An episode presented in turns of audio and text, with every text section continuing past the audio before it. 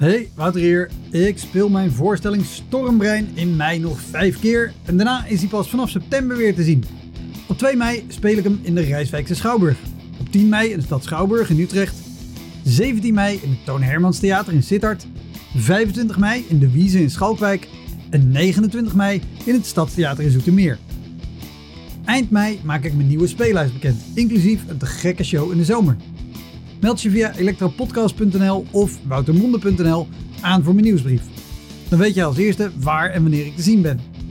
Sowieso is dat handig, want dan krijg je elke maand één mail met erin een overzicht van alle podcastgasten, de columns die ik die maand heb gedaan en alle shows die er in de maand erop gaan komen. Welkom, mijn naam is Wouter Monde. Dit is de Elektra Podcast. Een podcast waarin ik met collega's herinneringen ophaal aan shows die ze liever waren vergeten. Genoemd naar het roemruchte jongerencentrum Elektra in Sliedrecht, dat ooit bekend stond als de comedy hell.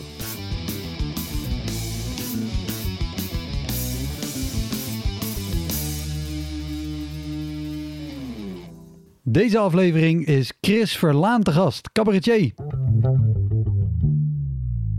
Ah, ze waren bezig met de dans en toen was het afgelopen. En toen ging de presentator, pakte de microfoon en die zei letterlijk... eh, we gaan zo weer door met dansen. maar nu eerst... Lachen, gieren en brullen met Chris Verlaan.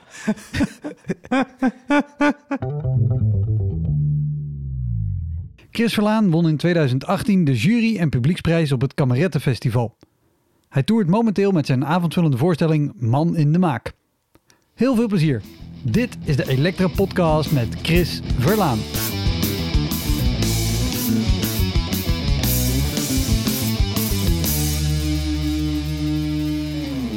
Ik kan me een keer herinneren in Amsterdam zou ik spelen bij uh, Dwaze Zaken. Zo'n eh cafeetje bij het Centraal Station. Ja, ja, zit op de hoek. En eh, daar had ik me echt maanden, maanden op verheugd dat ik daar mocht spelen. En toen, toen ging ik daar spelen. En, eh, ik deed alleen nog maar liedjes eh, toen. En toen merkte ik, eh, iedereen zat gewoon te eten en te praten. En dat de eerste regel werd geluisterd en daarna ging iedereen gewoon door. Dus dat was- dan zo'n moment dat je denkt van... oh ja, het is ehm, wat ik dan in mijn hoofd heb, dat, dat, dat gebeurt dan gewoon niet. ja, ja, ja. Dat, ja, dat, dat soort optredens heb je wel, ja. Ja, oh, zonde is dat. Vooral als je er zo naar uitkijkt en denkt, oh, dit gaat heel leuk worden.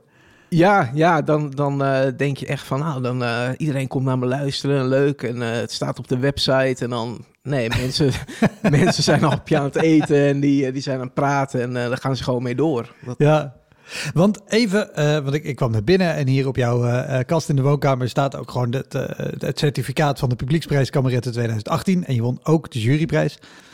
Hoe, hoe lang was jij bezig op dat moment? Wat, wat voor plekken speelde jij voordat je kameretten won? dat, dat wisselt een beetje. Ik, ik heb, eh, ik heb een heel lijstje gemaakt met, eh, met een chronologie. Ik, ik, eh, ik heb eigenlijk twee, twee carrières gehad, om het zo te zeggen. Ik, ehm, eh, ik ben in mijn studententijd ben ik, ben ik begonnen, heel voorzichtig. Dat was in 2005 al. Ja. En, en mijn tweede carrière begon zo'n 2013, 2014, dat ik het echt weer ging proberen. Want dan, dan ben ik gelijk benieuwd. Wat is er gebeurd in die eerste carrière dat er, dat er een stop is geweest? Ja, dat, ja. dat impliceert dat, dat die begonnen is en ook geëindigd is. Want dan kan je geen tweede beginnen.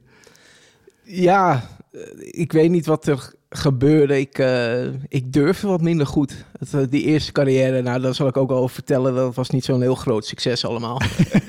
en dat was denk ik, ja, toen van 2000, denk 2009 tot en met 2012 heb ik helemaal niet gespeeld. Maar het bleef wel heel erg eh, kriebelen. Van, ah, ik vind het gewoon leuk om eh, op een podium te staan. En ja, uiteindelijk toch weer gaan doen. Ja. Via open podia en, en gewoon, eh gewoon rukzichtloos aanmelden voor, eh voor Leids Cabaret en een filmpje insturen en niks horen natuurlijk. dat weet ik nog wel, dat ik letterlijk hier een opname heb gemaakt van een half, van een kwartiertje moest je maken. Had ik hier gewoon opgenomen, zonder publiek, zonder Oh, gewoon in je woonkamer hier. Ja, zo. oh jee.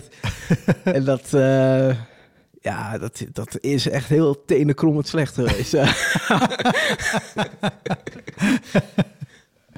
En, en, die, en die eerste periode, want ik zie dat je er ook een paar hebt staan. Dus ik zie uh, jaartallen 2005, 2006, 2007. Ja, ja, dat was echt... Uh, het, ik ben in 2005 begonnen. Ja. En, uh, ik, zat in Amsterdam bij een studentenvereniging, IGTUS, christelijke studentenvereniging. Ja. En toen ehm, daar had ik een vriend leren kennen, Cheert. En, en Cheert was echt een, die was een soort cabaret, cabaret man. Die had een gitaar en die speelde liedjes en die speelde op zijn middelbare school al. Oké. Okay.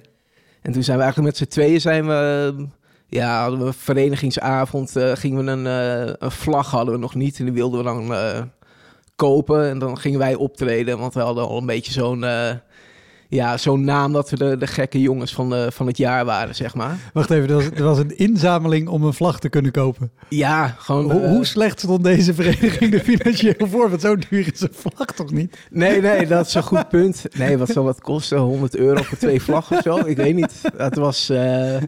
Nee, we waren geen uh, Amsterdam studentenkoor met, met panden van uh, honderden vierkante meters. Dat pleit wat mij betreft heel erg voor deze vereniging. Ja, ja. Nee, klopt. Dus, um, Jullie gingen daar spelen, sorry. Ik ja, ja, wij, wij waren de, de wilde gansjes, zoals dat dan heette. en uh, ja, we, we, hebben in drie jaar tijd misschien tien of twaalf keer gespeeld uh, met z'n tweeën. Gewoon een beetje in het christelijke wereldje.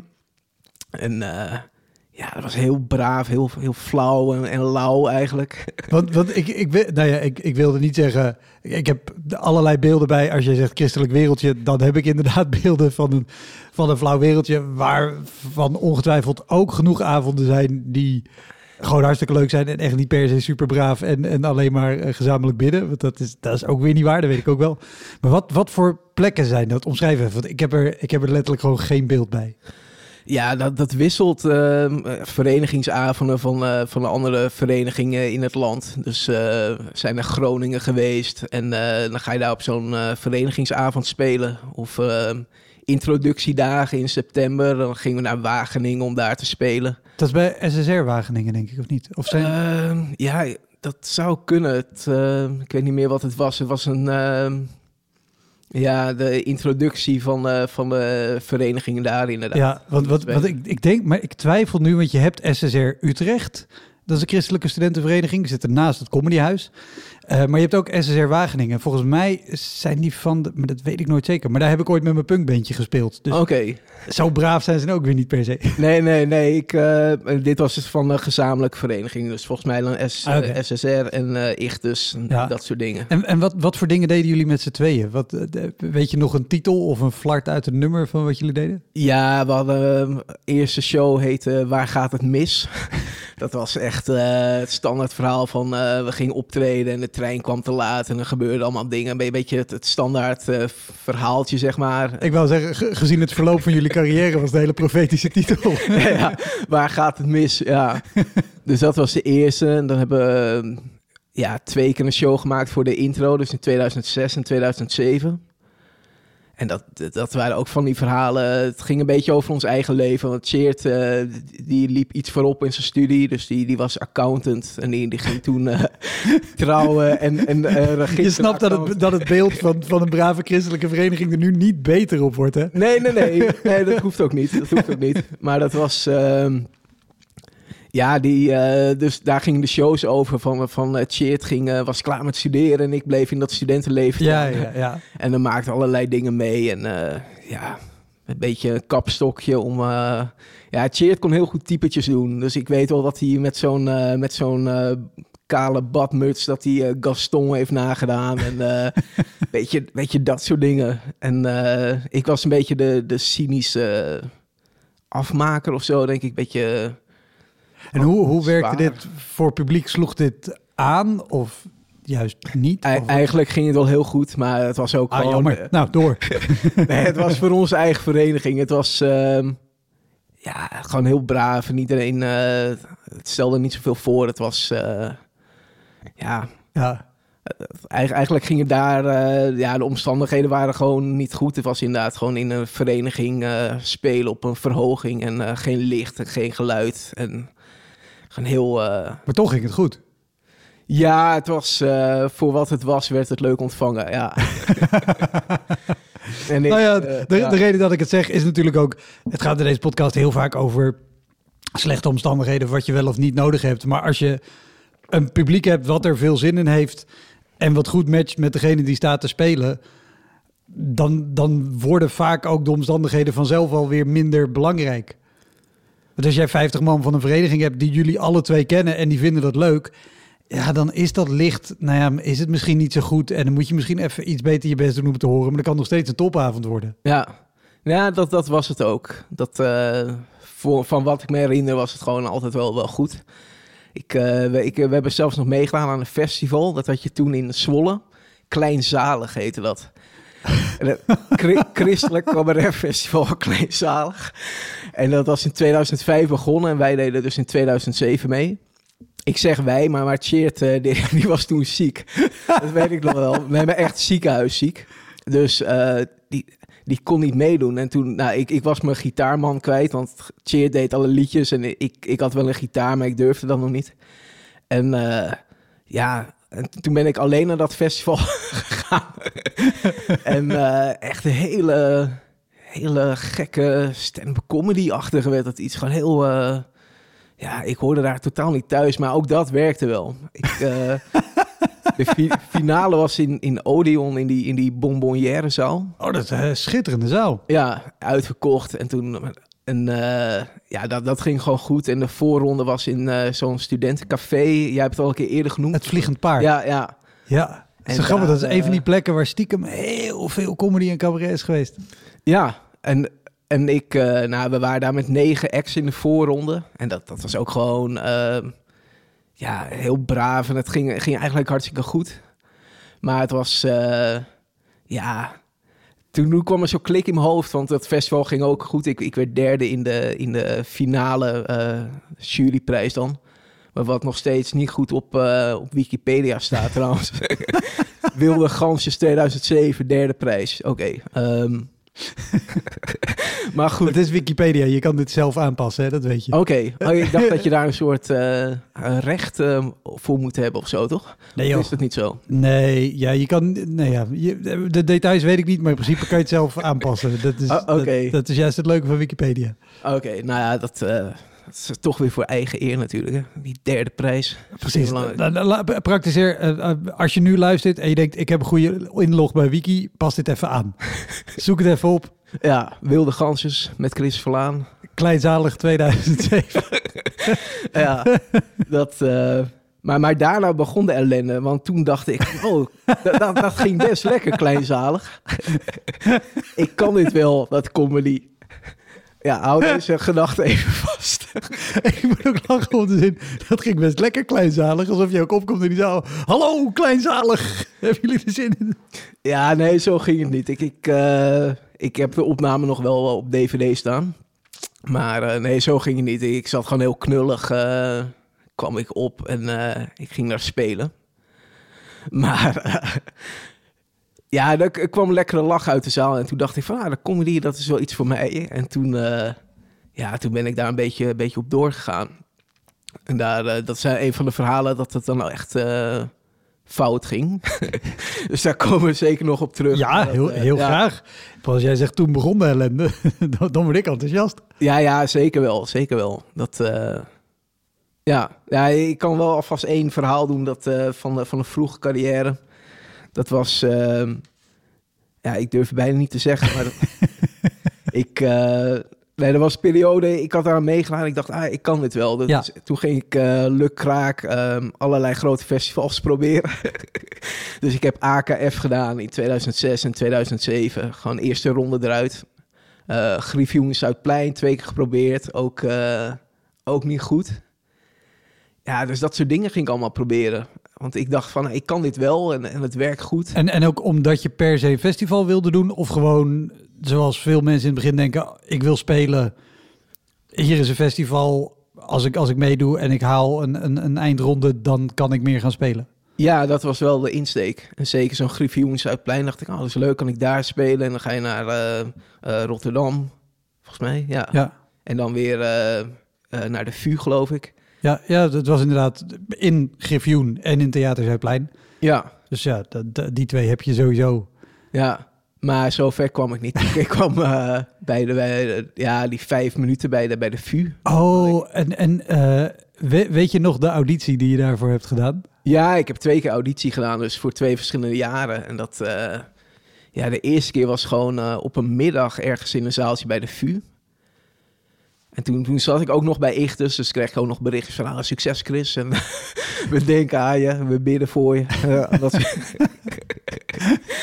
maar ehm, ja, gewoon heel veel, heel veel acts en ook mensen die je dan ziet optreden. Dat je denkt van ja, dat, dat, eh, daar moet ik het toch wel beter doen of zo. Maar op een of andere manier ben ik nooit verder gekomen.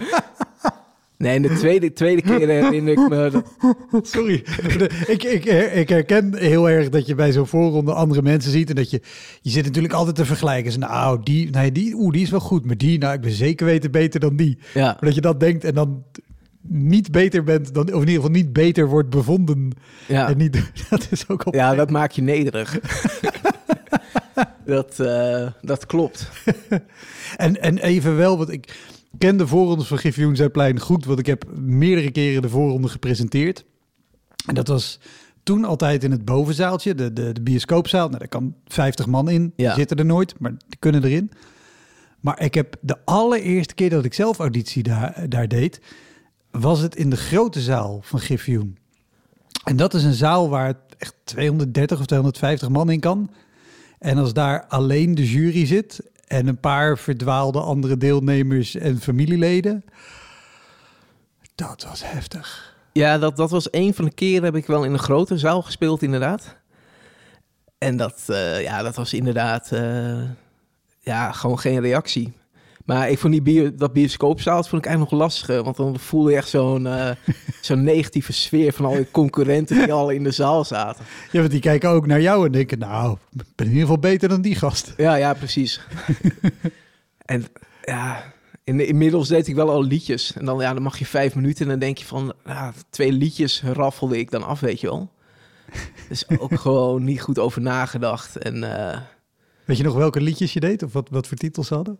Ehm, ik denk eh, Bonuskaart. Dat was een liedje over een meisje bij de, bij de supermarkt... waar ik dan verliefd op was. En eh, ja, hoe ging dat? was echt een, mijn eerste liedje wat ik geschreven had toen. Van. Dat, eh, ja. ja, waar ging het over? Eh kassenmeisje bij de supermarkt, wat zie jij er goed uit? Fris en knapperig als de ijsberg sla. Zoet als yoghurt met fruit, zoiets. dat is echt, eh, dat, dat soort liedjes maakte ik toen.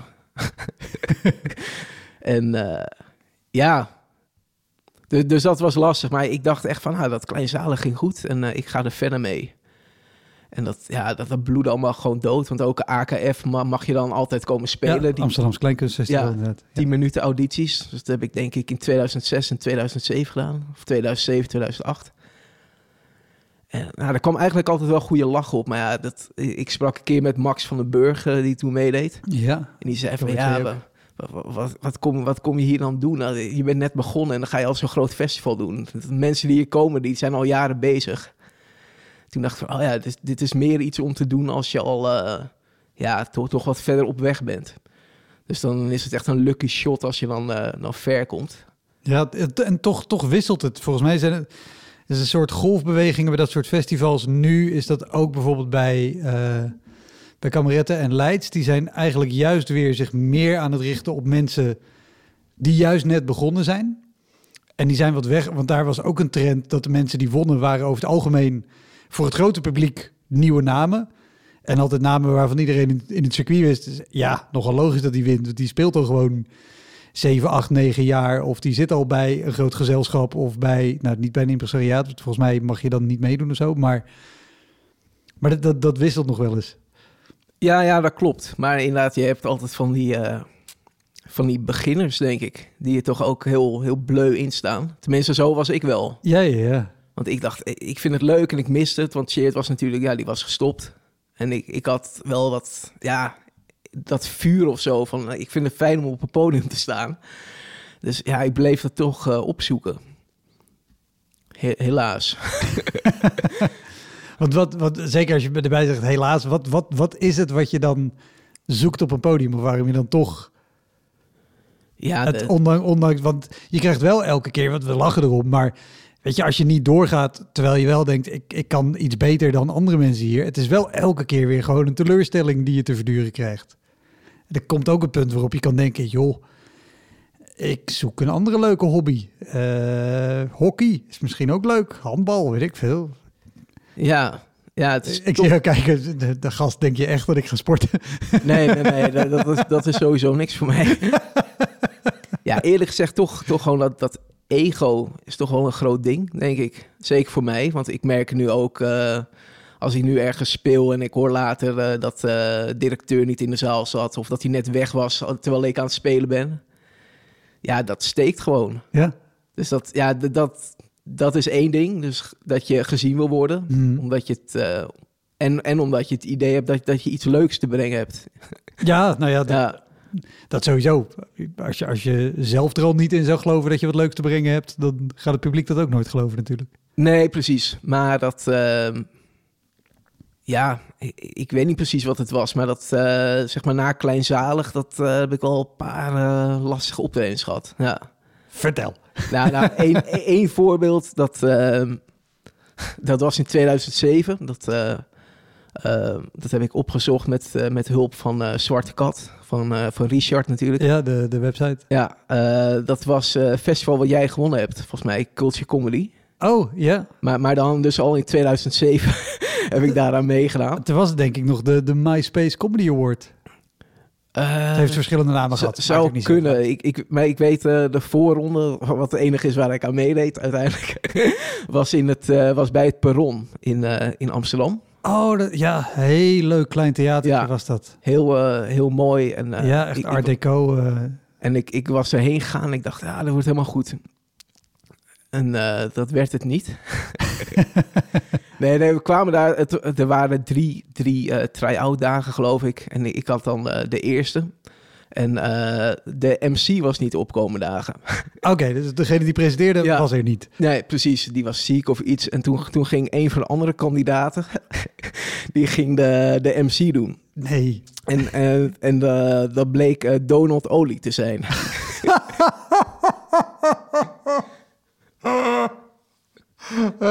en eh, Eh, wil- je dat ik uitleg wie Donald Olie is, of wil je dit zelf uitleggen?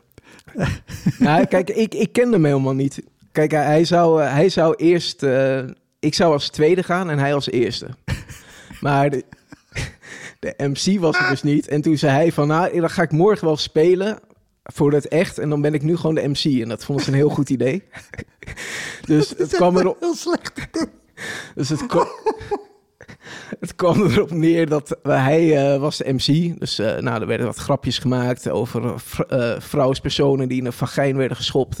Ja, ik, ik, kent het wel. Ik, ja, wat, mensen die spelen of mensen die, die zelf in de comedy scene zitten, die kennen Donald ongetwijfeld. En mensen die hem niet kennen, die denken nu, "Maar- waarom? Wat, wat is hier aan de hand?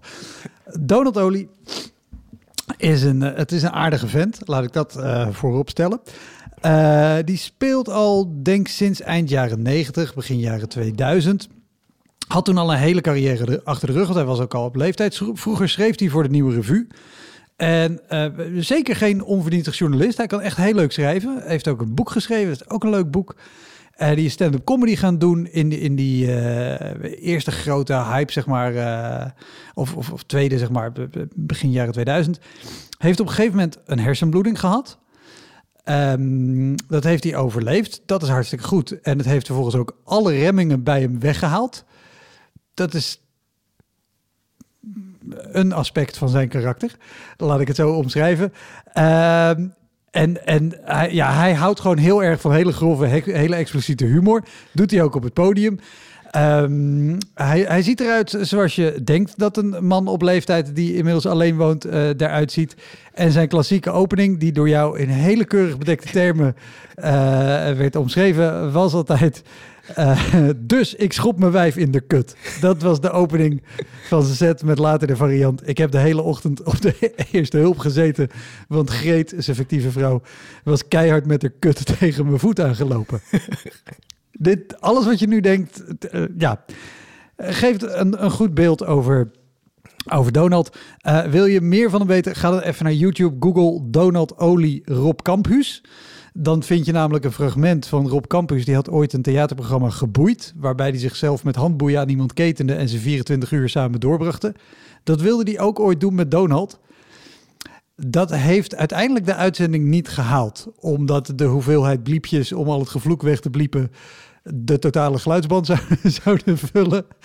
En ehm, als je zoekt op Donald Olie uh, Kotman, Kotman met dubbel T uh, van de legendarische boeker Hans Kotman, ook al vaker genoemd in deze podcast, dan vind je ook een special die hoort bij de documentaire Dictator van de Comedy. Nou, heel veel verhaal, maar je moet even gewoon weten wie Donald Olie is en waarom het een, een um, bijzondere artistieke keuze is om Donald een voorronde van een comedywedstrijd te laten presenteren. Ja, ja dat, was een heel goede samenvatting.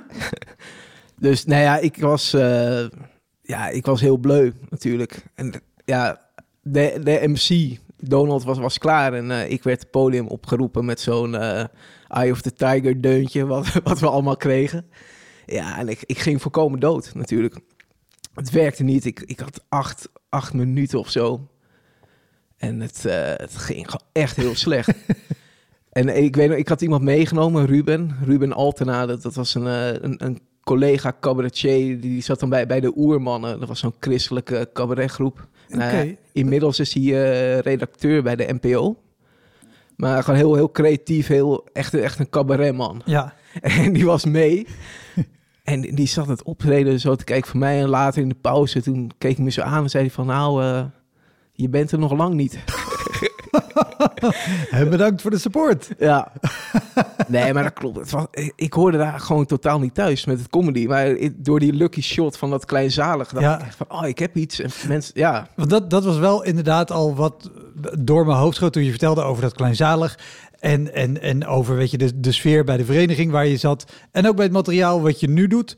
En, en niet om te zeggen dat, dat het. Weet je, ik, vind, het lullig om het te omschrijven als braaf.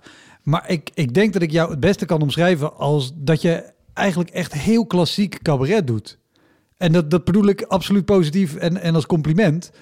Uh, weet je, maar waar, waar mensen bij stand-up comedy vaak het vooroordeel hebben... het is alleen maar grof en vloeken en dit en dat die kan ik met een gerust hart naar jou sturen. En dan krijg je hele leuke, intelligente liedjes en goede teksten, leuke inzichten, leuke grappen.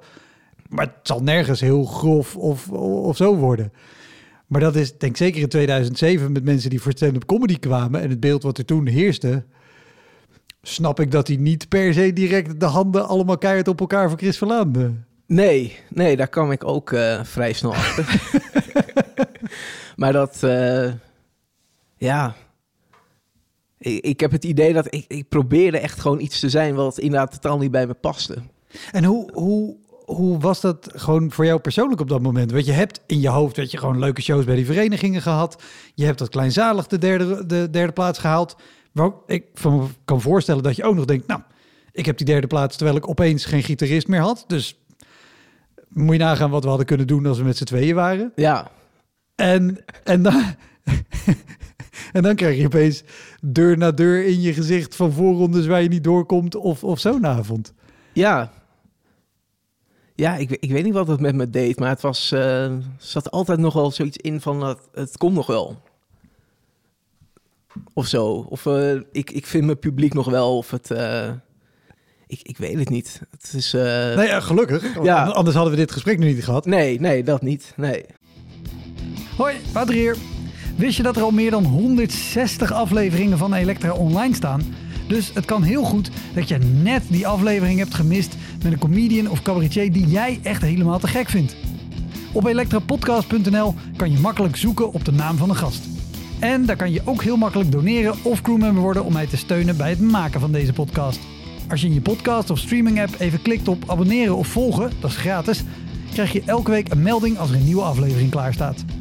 Oké, snel weer terug. Maar, maar daarna, want dit, dit was 2007 en uh, toen was je een tijd gestopt. Ja, toen uh, door allerlei omstandigheden. Ik zat ook een poosje niet zo goed in mijn vel, dus ik zat echt met therapie en promotieonderzoek bij de, bij de VU, waar, ik niet echt naar mijn zin had. Dus ik, eh, mijn brein was nog een beetje aan het ontwikkelen, zeg maar. Ehm, ja, Had, had, had, had- sorry, dit is een persoonlijke vraag, maar had, dit daar ook nog invloed op? Nou, ik ehm, in, die, in die therapie was een beetje eh, persoonlijkheidsproblematiek, zeg maar. Dan werd je ook echt uitgedaagd om. ehm, eh, het was echt een intensieve eh, groepstherapie, eigenlijk vijf avonden per week. Jemig. Ja, nee, het- ik ik zat behoorlijk in de, in de knoop. Ehm, Ik, ik zie comedy af en toe ook als een hele intensieve groepstherapie. Ja. En dat ook vijf avonden per week. Maar ja, dit, dit, is, dit is even wat anders. ja maar, maar dat heeft me wel echt geholpen om, eh, ja, om mijn leven weer een beetje op de rit te krijgen. Van joh, wat wil je nou, wat kan je nou? En, het, eh, en dat comedy, dat theater, dat was altijd iets eh, wat, wat ik gewoon vermeed eigenlijk. Want ik had inderdaad wat, wat minder goede ervaring. Toen dacht ik van, hé, ik schrijf thuis wel liedjes of dingen, maar ik ga niet meer optreden. Ja. En dat is eigenlijk, tijdens die groep is dat wel gezegd van, joh, doe, doe er eens wat met theater. En toen, eh, ja, dat heeft nog wel een paar jaar geduurd, maar ik denk twee jaar na die groepstherapie ben, ben, ik, ben ik echt weer die open podia opgegaan, omdat ik het toch wel echt miste. Ja, ja, ja. Ja, en, en toen heb ik wel heel snel mijn vorm gevonden, denk ik. Dus die knullige liedjes en die, en die dingen. En, eh, ja. En, Ja. En, en denk je dat het, dat het vinden van die vorm daarna wat snel ging, dat dat, dat het versneld is of dat dat geholpen heeft dat je die intensieve groepstherapie heeft gedaan? Ja, zeker wel. Want ja, je, je moet toch je, ja, je eigen kracht, dat klinkt altijd zo, zo gek. Maar je, je moet gewoon eh, doen wat bij je past. Ja, nou ja, het, het vinden van je stem is natuurlijk iets wat, Ja. wat vaak wordt genoemd in deze context. ja. En ik denk dat zo'n zo'n groepstherapie wat je beschrijft, weet je, om te ontdekken wie ben je nou en wat wil je en misschien ook wel wat wil je zeggen of hoe wil je het zeggen. Ja, ik kan me voorstellen dat dat helpt om ook je vorm op het podium te vinden.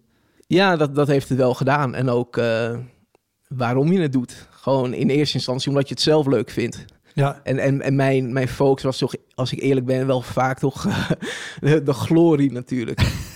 als ik eerlijk ben, ja, het is, het is fijn als mensen naar je kijken en om je lachen. En ja, ja. ja. ja, dat, dat doet gewoon iets met een mens.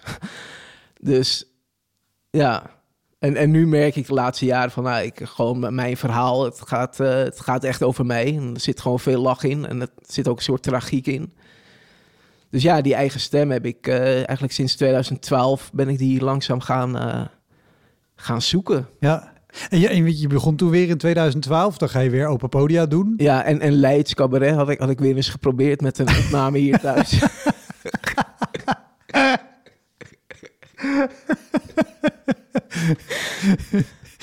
dus dat, dat was hem nog niet. ik, ik, ik moet ook hard lachen, want ik af en toe tijdens de opname zegt iemand iets en denk ik, ja, dit is een goede titel voor de, voor de aflevering. Ja, En de zin Leids Cabaret had ik weer eens geprobeerd. ja, ja. is een hele mooie. ja, ik zie me nog zo in de trein zitten met zo'n aanmeldformulier. Had ik dan geprint op mijn werk van, oh ja, je moet de opname sturen van jezelf. Oh, dan ga ik wel even thuis wat opnemen. Helemaal geen idee dat het handig is om publiek erbij te hebben. Of dat je eh, een beetje in een, in een theatersetting dat mensen kunnen zien of er ook nog lach in zit. Echt totaal niet mee bezig. Dus dat, nee, dat, dat was echt weer een. eh, ja, dat, dat sloeg echt nergens op. Maar vanaf. daarna kwam het besef van, joh, ga gewoon die open podia eens af. En dat ben ik toen gaan doen. Vanaf 2013, 2014 ben ik eh, gewoon een open bak en, en dat soort dingen gaan doen. En dat, ja, toen werkte het beter. En dan Ja. ga je daar een filmpje van maken en een opname. En dan heb je iets wat je wel eventueel zou kunnen insturen. En Ja. de, de open bak die je noemt, nou, open podium in Amsterdam, heel erg bekend. Bestaat ook echt al sinds de stoommachine is uitgevonden door Ben Lansing zelf. Eh, nee, het, het hele, hele leuke plek. En publiek weet er ook, er kan op dat podium eh, eigenlijk alles mag wat op een podium past. Zolang het maar niet langer duurt dan een kwartier. Daar past jouw vorm denk ik ook perfect. Maar deed je toen ook eh, stand-up comedy podia? Of wist je toen wel eens, nou, ik moet meer de cabaret-achtige podia zoeken? Nee, ik, ik deed vooral sowieso bijna alleen maar liedjes eh, in die tijd. Dus ik ging naar eh, Puk, Huis van Puk in Arnhem. Ja, En in Castricum had je een heel leuk podium van Frank Boske. Die is misschien wat minder bekend, maar die, die heeft een... eh, komt vaag bekend voor me. ja, dat is een man die, eh, eh, die, die, had eigenlijk een, een was fotograaf, maar toen kreeg hij een ziekte aan zijn oog. Dus, dus zijn zicht wo- wordt steeds minder. Toen, toen is hij een, een, een, een soort buurthuis begonnen waar hij allemaal sprekers en lotgenoten, dagen en dat soort dingen doet. Maar ook comedyavonden had hij toen. Ah, Oké. En dat heet eh, Ongekend Talent was dat. En daar heb ik met Paul Scholderman wel gestaan en Barbara Bredijk. En eh, ja, gewoon kleinkunstmensen. Ja. Janneke Jager en eh, Mary Pepper. Ja.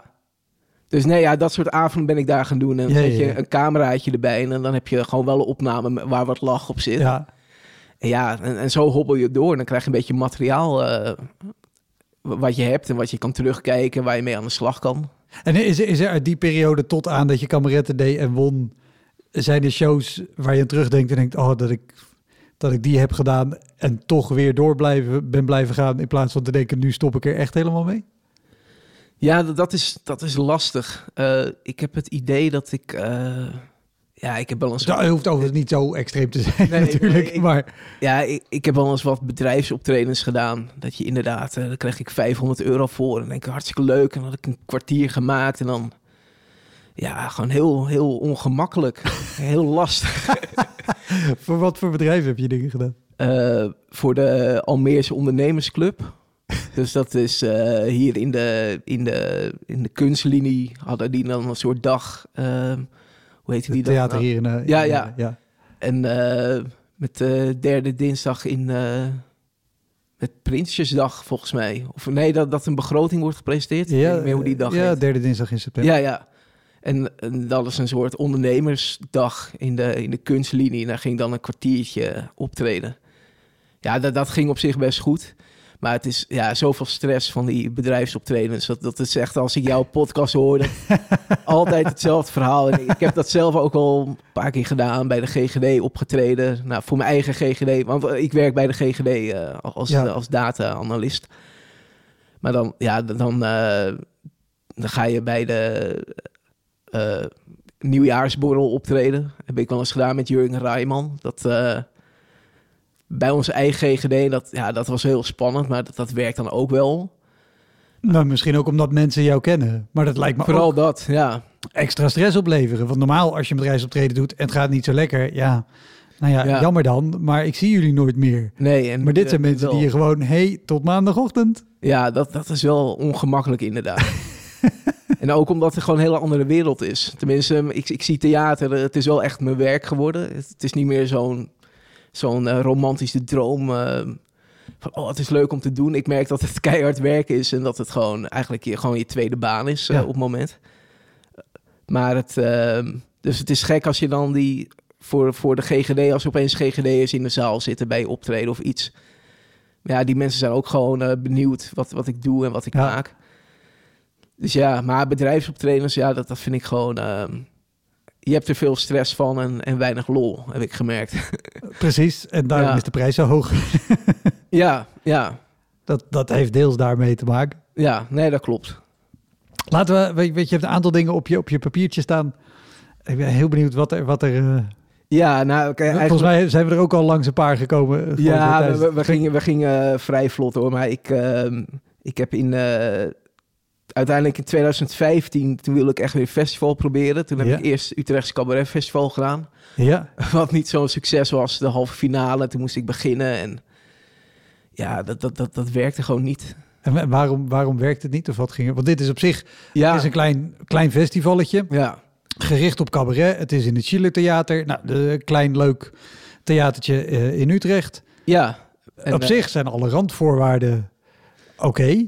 Ja, maar ik, ik denk eh, de vorm. Ik, ik, ik eh, had zes liedjes eh, opgepakt in 25 minuten. Dat was gewoon te veel, te, te eenzijdig. Dus, dus dat, ja.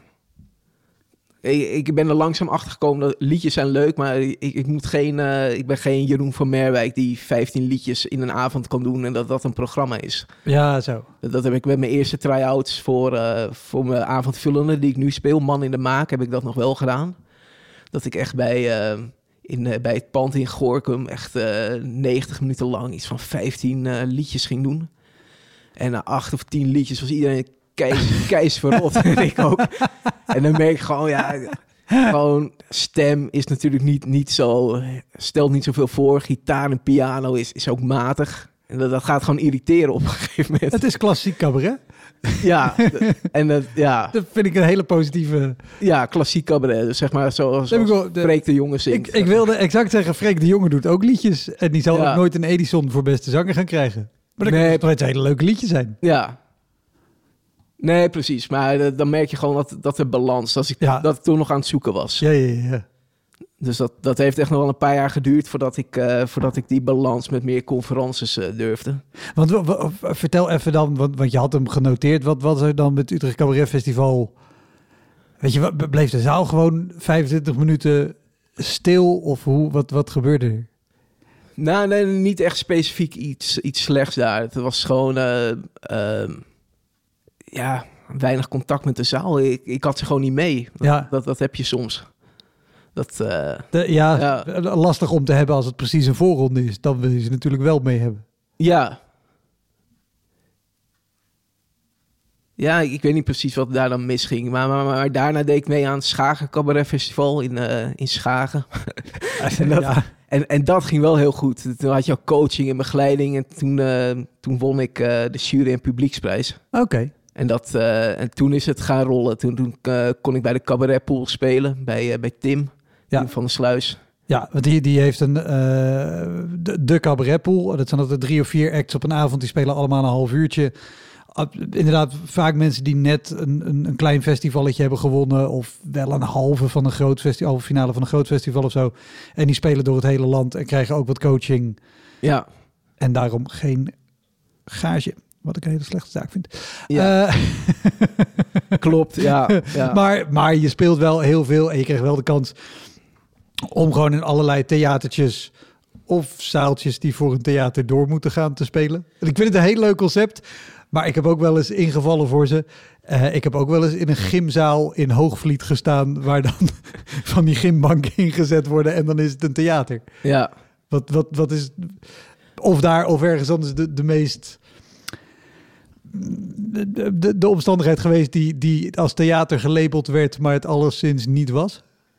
Eh, ik kan me één keer herinneren in eh Leidsendam. Dat we in een, eh, in een, in een feestlocatie zaten. Waar een Turkse bruiloft in de zaal naast ons En, en wij hadden 15 man in de zaal. En zaten ook nog al mijn ooms en tantes waren toe komen kijken. Die zaten echt op, op rij 1. En eh, ja, dan valt het gewoon dood met 15 man in zo'n, in zo'n, in zo'n feestzaal. Dat, dat was gewoon jammer. Want zo'n feestzaal is denk ik ook best, als die groot genoeg is om een Turkse bruiloft te kunnen huisvesten, Ja, ja. dan zijn dit vrij grote zalen. Ja, maar ik moet wel zeggen dat Tim, ja, die had gewoon zijn eigen doek en licht. Hij maakte altijd wel een, theaterzaal. Ja, absoluut. Ik, ik, ik Maar dat... eh, praat er onaardig over, ja. maar het, het, het is een heel leuk concept. Nee, nee, de cabaretpool heb ik eigenlijk altijd fijn gespeeld. Eh, als het misging, was het echt dat ik mijn tekst kwijt was. En dan, eh, dan heb ik de neiging om heel erg negatief eh, naar mezelf te worden op het podium. En dat heb ik nu van drie regisseurs gehoord, dat je dat niet te veel moet doen. En, en op, op, op, op wat voor manier...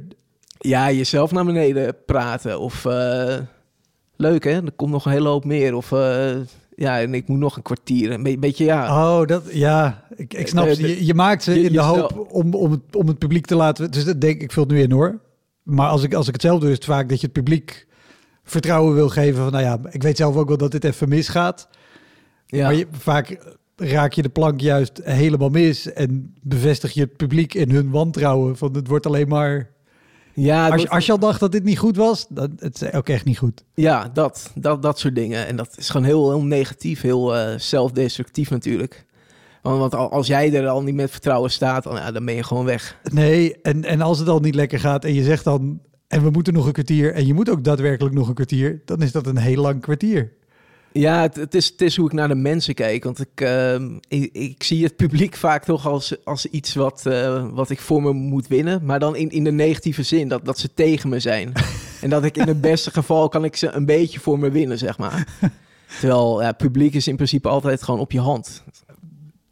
Ja, gewoon... Over het algemeen, als, ze- als ze een kaartje kopen omdat ze denken we gaan een leuke avond hebben. Ja, je bent gewoon samen met het publiek, maak, maak je een leuke avond. Maar ik heb dan toch in mijn hoofd, ik heb ook een beetje ervaring met lesgeven op middelbare school. Daar ben ik ook heel snel mee gestopt trouwens. Maar dat had ik hetzelfde idee van ik tegen de klas, weet je wel. Ja. En als ik niet goed, nou, ze zijn gewoon tegen me. En dat, eh, Even gewoon tussendoor, wat, wat, voor, wat voor vak gaf je? eh, biologie. Ah, oké. Ja, want ik had medische biologie gestudeerd en ik dacht... eh, nou, ik gaf les aan studenten op de UvA, eh statistiekles, vond ik heel leuk. Toen dacht ik lesgeven, dat is wel iets. En toen dacht ik, eh, kwam ik achter dat middelbare scholieren heel anders zijn dan studenten. Wie had dat verwacht? ja, ja, je, verwacht het niet. Goed dat je schaken gedaan. Toen ben je meer gaan spelen. Toen heb je kameretten gedaan. Ja, En, en ik dacht net al, na alle rampverhalen van voorrondes, dacht ik, waar heb je vredesnaam nog het zelfvertrouwen vandaan gehaald om toch nog een keer een festival te doen? Maar dat was, neem ik aan, Schagen. ja Schagen en toen Cabaret Pool. Hebben gewoon gewerkt aan, eh, aan twee goede festivalsets. En dat, ja, toen wist ik wel, ik, ik ga nog één keer een groot festival proberen. Ja, Ja, en het is gelukt. ja dat, dat is heel goed gelukt, ja. En toen, eh toen toeren met, eh, met Hassan en de Waterkonijnen. Ja, ja. Hassan El Rahoui ook al ja. Twee, twee keer eerder zelfs de gast in deze podcast. Ja, dat, eh, ja, dat, was bijzonder. Eh, eigenlijk het, het meest recente slechte optreden, het is eigenlijk altijd mijn eigen schuld. Dan, eh, ik speelde toen bij de Dromedaris in Enkhuizen. Dat is een soort toren met een, met een theaterzaal. Een soort toren. Het is een hele mooie toren aan, aan de rand van de haven volgens mij. Ja, ja, klopt. Ja. Een heel gaaf gebouw. En, en dat was een van de eerste keren met mijn regisseur, Rick de Ros. Die, eh, en die had allemaal nieuwe dingen van doe eens een liedje als gedicht en doe eens dit, doe eens dat. En ik, ik ben heel lui qua, qua oefenen en eh, totaal geen discipline. Dus ik was totaal onvoorbereid. En ja, nieuwe dingen lukten niet en de oude dingen werkten toen ook niet meer. Dus dat, dat, eh, maar dat, dat is gewoon echt mijn eigen schuld, zeg maar. Dat, Ja, ja, maar ook, het, is een, het is een heel mooi theater op een geweldige locatie. En ik heb er volgens mij nu eh, bij de vorige programma's die ik had gespeeld. Maar het is ook wel redelijk typisch West-Fries publiek. Eh, ik weet daar dat ik ooit na mijn eerste show eh, achteraf kwam. Er, en dat was echt een taaie show. Want er zat ook echt nou, 17 man of zo. En dan het- we kenden nog geen corona, maar de social distancing was al wel ingevoerd, zeg maar, om de zaal nog enigszins vol te laten lijken.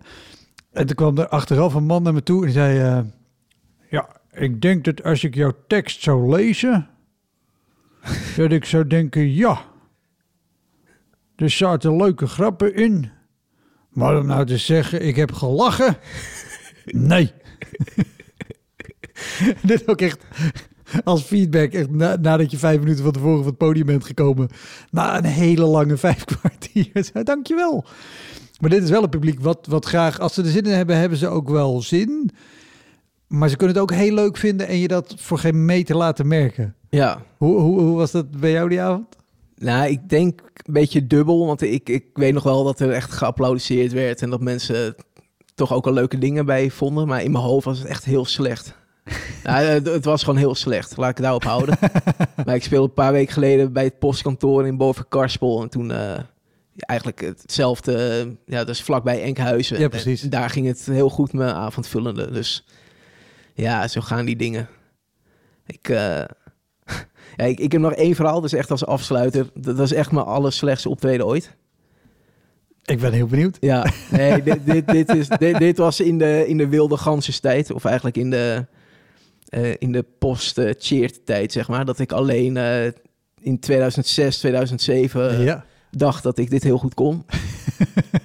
en toen, toen was ik gevraagd voor een, eh, voor een, een, een gala van een, eh, van een studentenvereniging. Alpha Leeuwarden.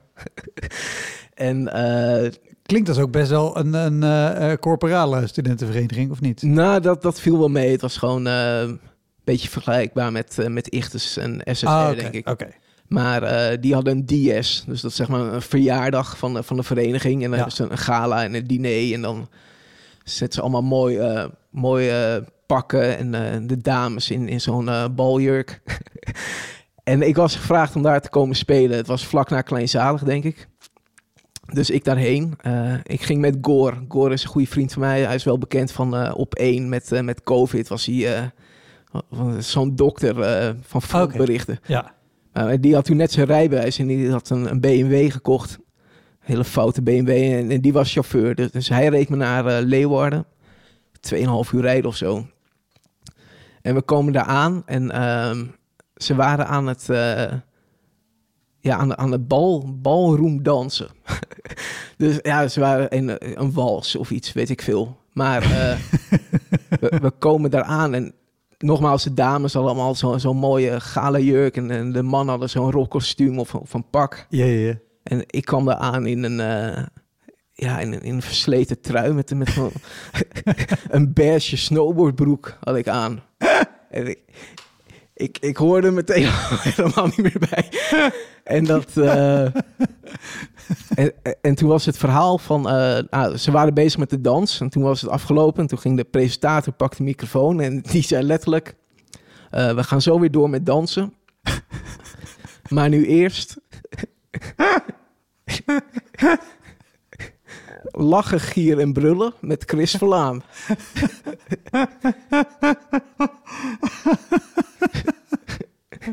En toen gaf hij mij de microfoon en ik, eh, ik zat nog een beetje in die kleinzalige vibe van, nou, ik heb, eh, ik heb eh, twaalf grappen op mijn A4'tje staan. en die gaan allemaal heel goed werken. en ik, ik, ik ging zo kapot. Echt acht minuten of zo. En ik zag halverwege zag ik Gore eh, weglopen. Die ging alvast de auto eh, halen weer. En eh, ja, ik ben echt, echt zo'n vijandige stilte was het. En hoe lang zou je doen? Ja, wel een kwartiertje of zo was volgens mij de afspraak. Maar dat, het, ging, het ging echt niet. En ja, achteraf, kijk, sowieso mijn materiaal was natuurlijk was gewoon heel slecht. En, ja. Maar ook de, al- als je het hebt over de omstandigheden, dat is echt... Ja, zo moet je een comedian ook niet aankondigen of zo. Als je gewoon na een dans en dan, en dan nu lach hier en brullen. Was... En ook nog even, als dit in de ruimte was, want dit was in de ruimte waar gedanst werd, neem ik aan. Ja, ja, ja. Dus het was ook staand publiek. Zat er niet opeens stoelen voor iedereen? Nee, nee, nee. Nee, de DJ, de muziek ging uit en toen eh lag hier en brullen. Oh, het is slecht ook dat er dan niemand na heeft gedacht over hoe, hoe moeten we dit doen zodat dit werkt en het leuk is voor mensen. Ja, maar ik, ik was toen nog helemaal niet bezig van eh, dat de omstandigheden ook invloed zouden kunnen hebben. Nee, nee, nee nou ja, ook, ook niet naar jou te horen, maar meer gewoon in het algemeen. En dit gebeurt natuurlijk zo vaak. Wat zonder dat er niemand die hierbij betrokken was, heeft gezegd. Maar dit.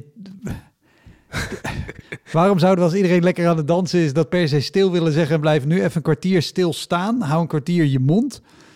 Eh, het zijn ook nog eens studenten, dus die zijn ook nog eens. Er, er komt drank en er komen hormonen bij, want je bent mooi aangekleed en je bent aan het dansen.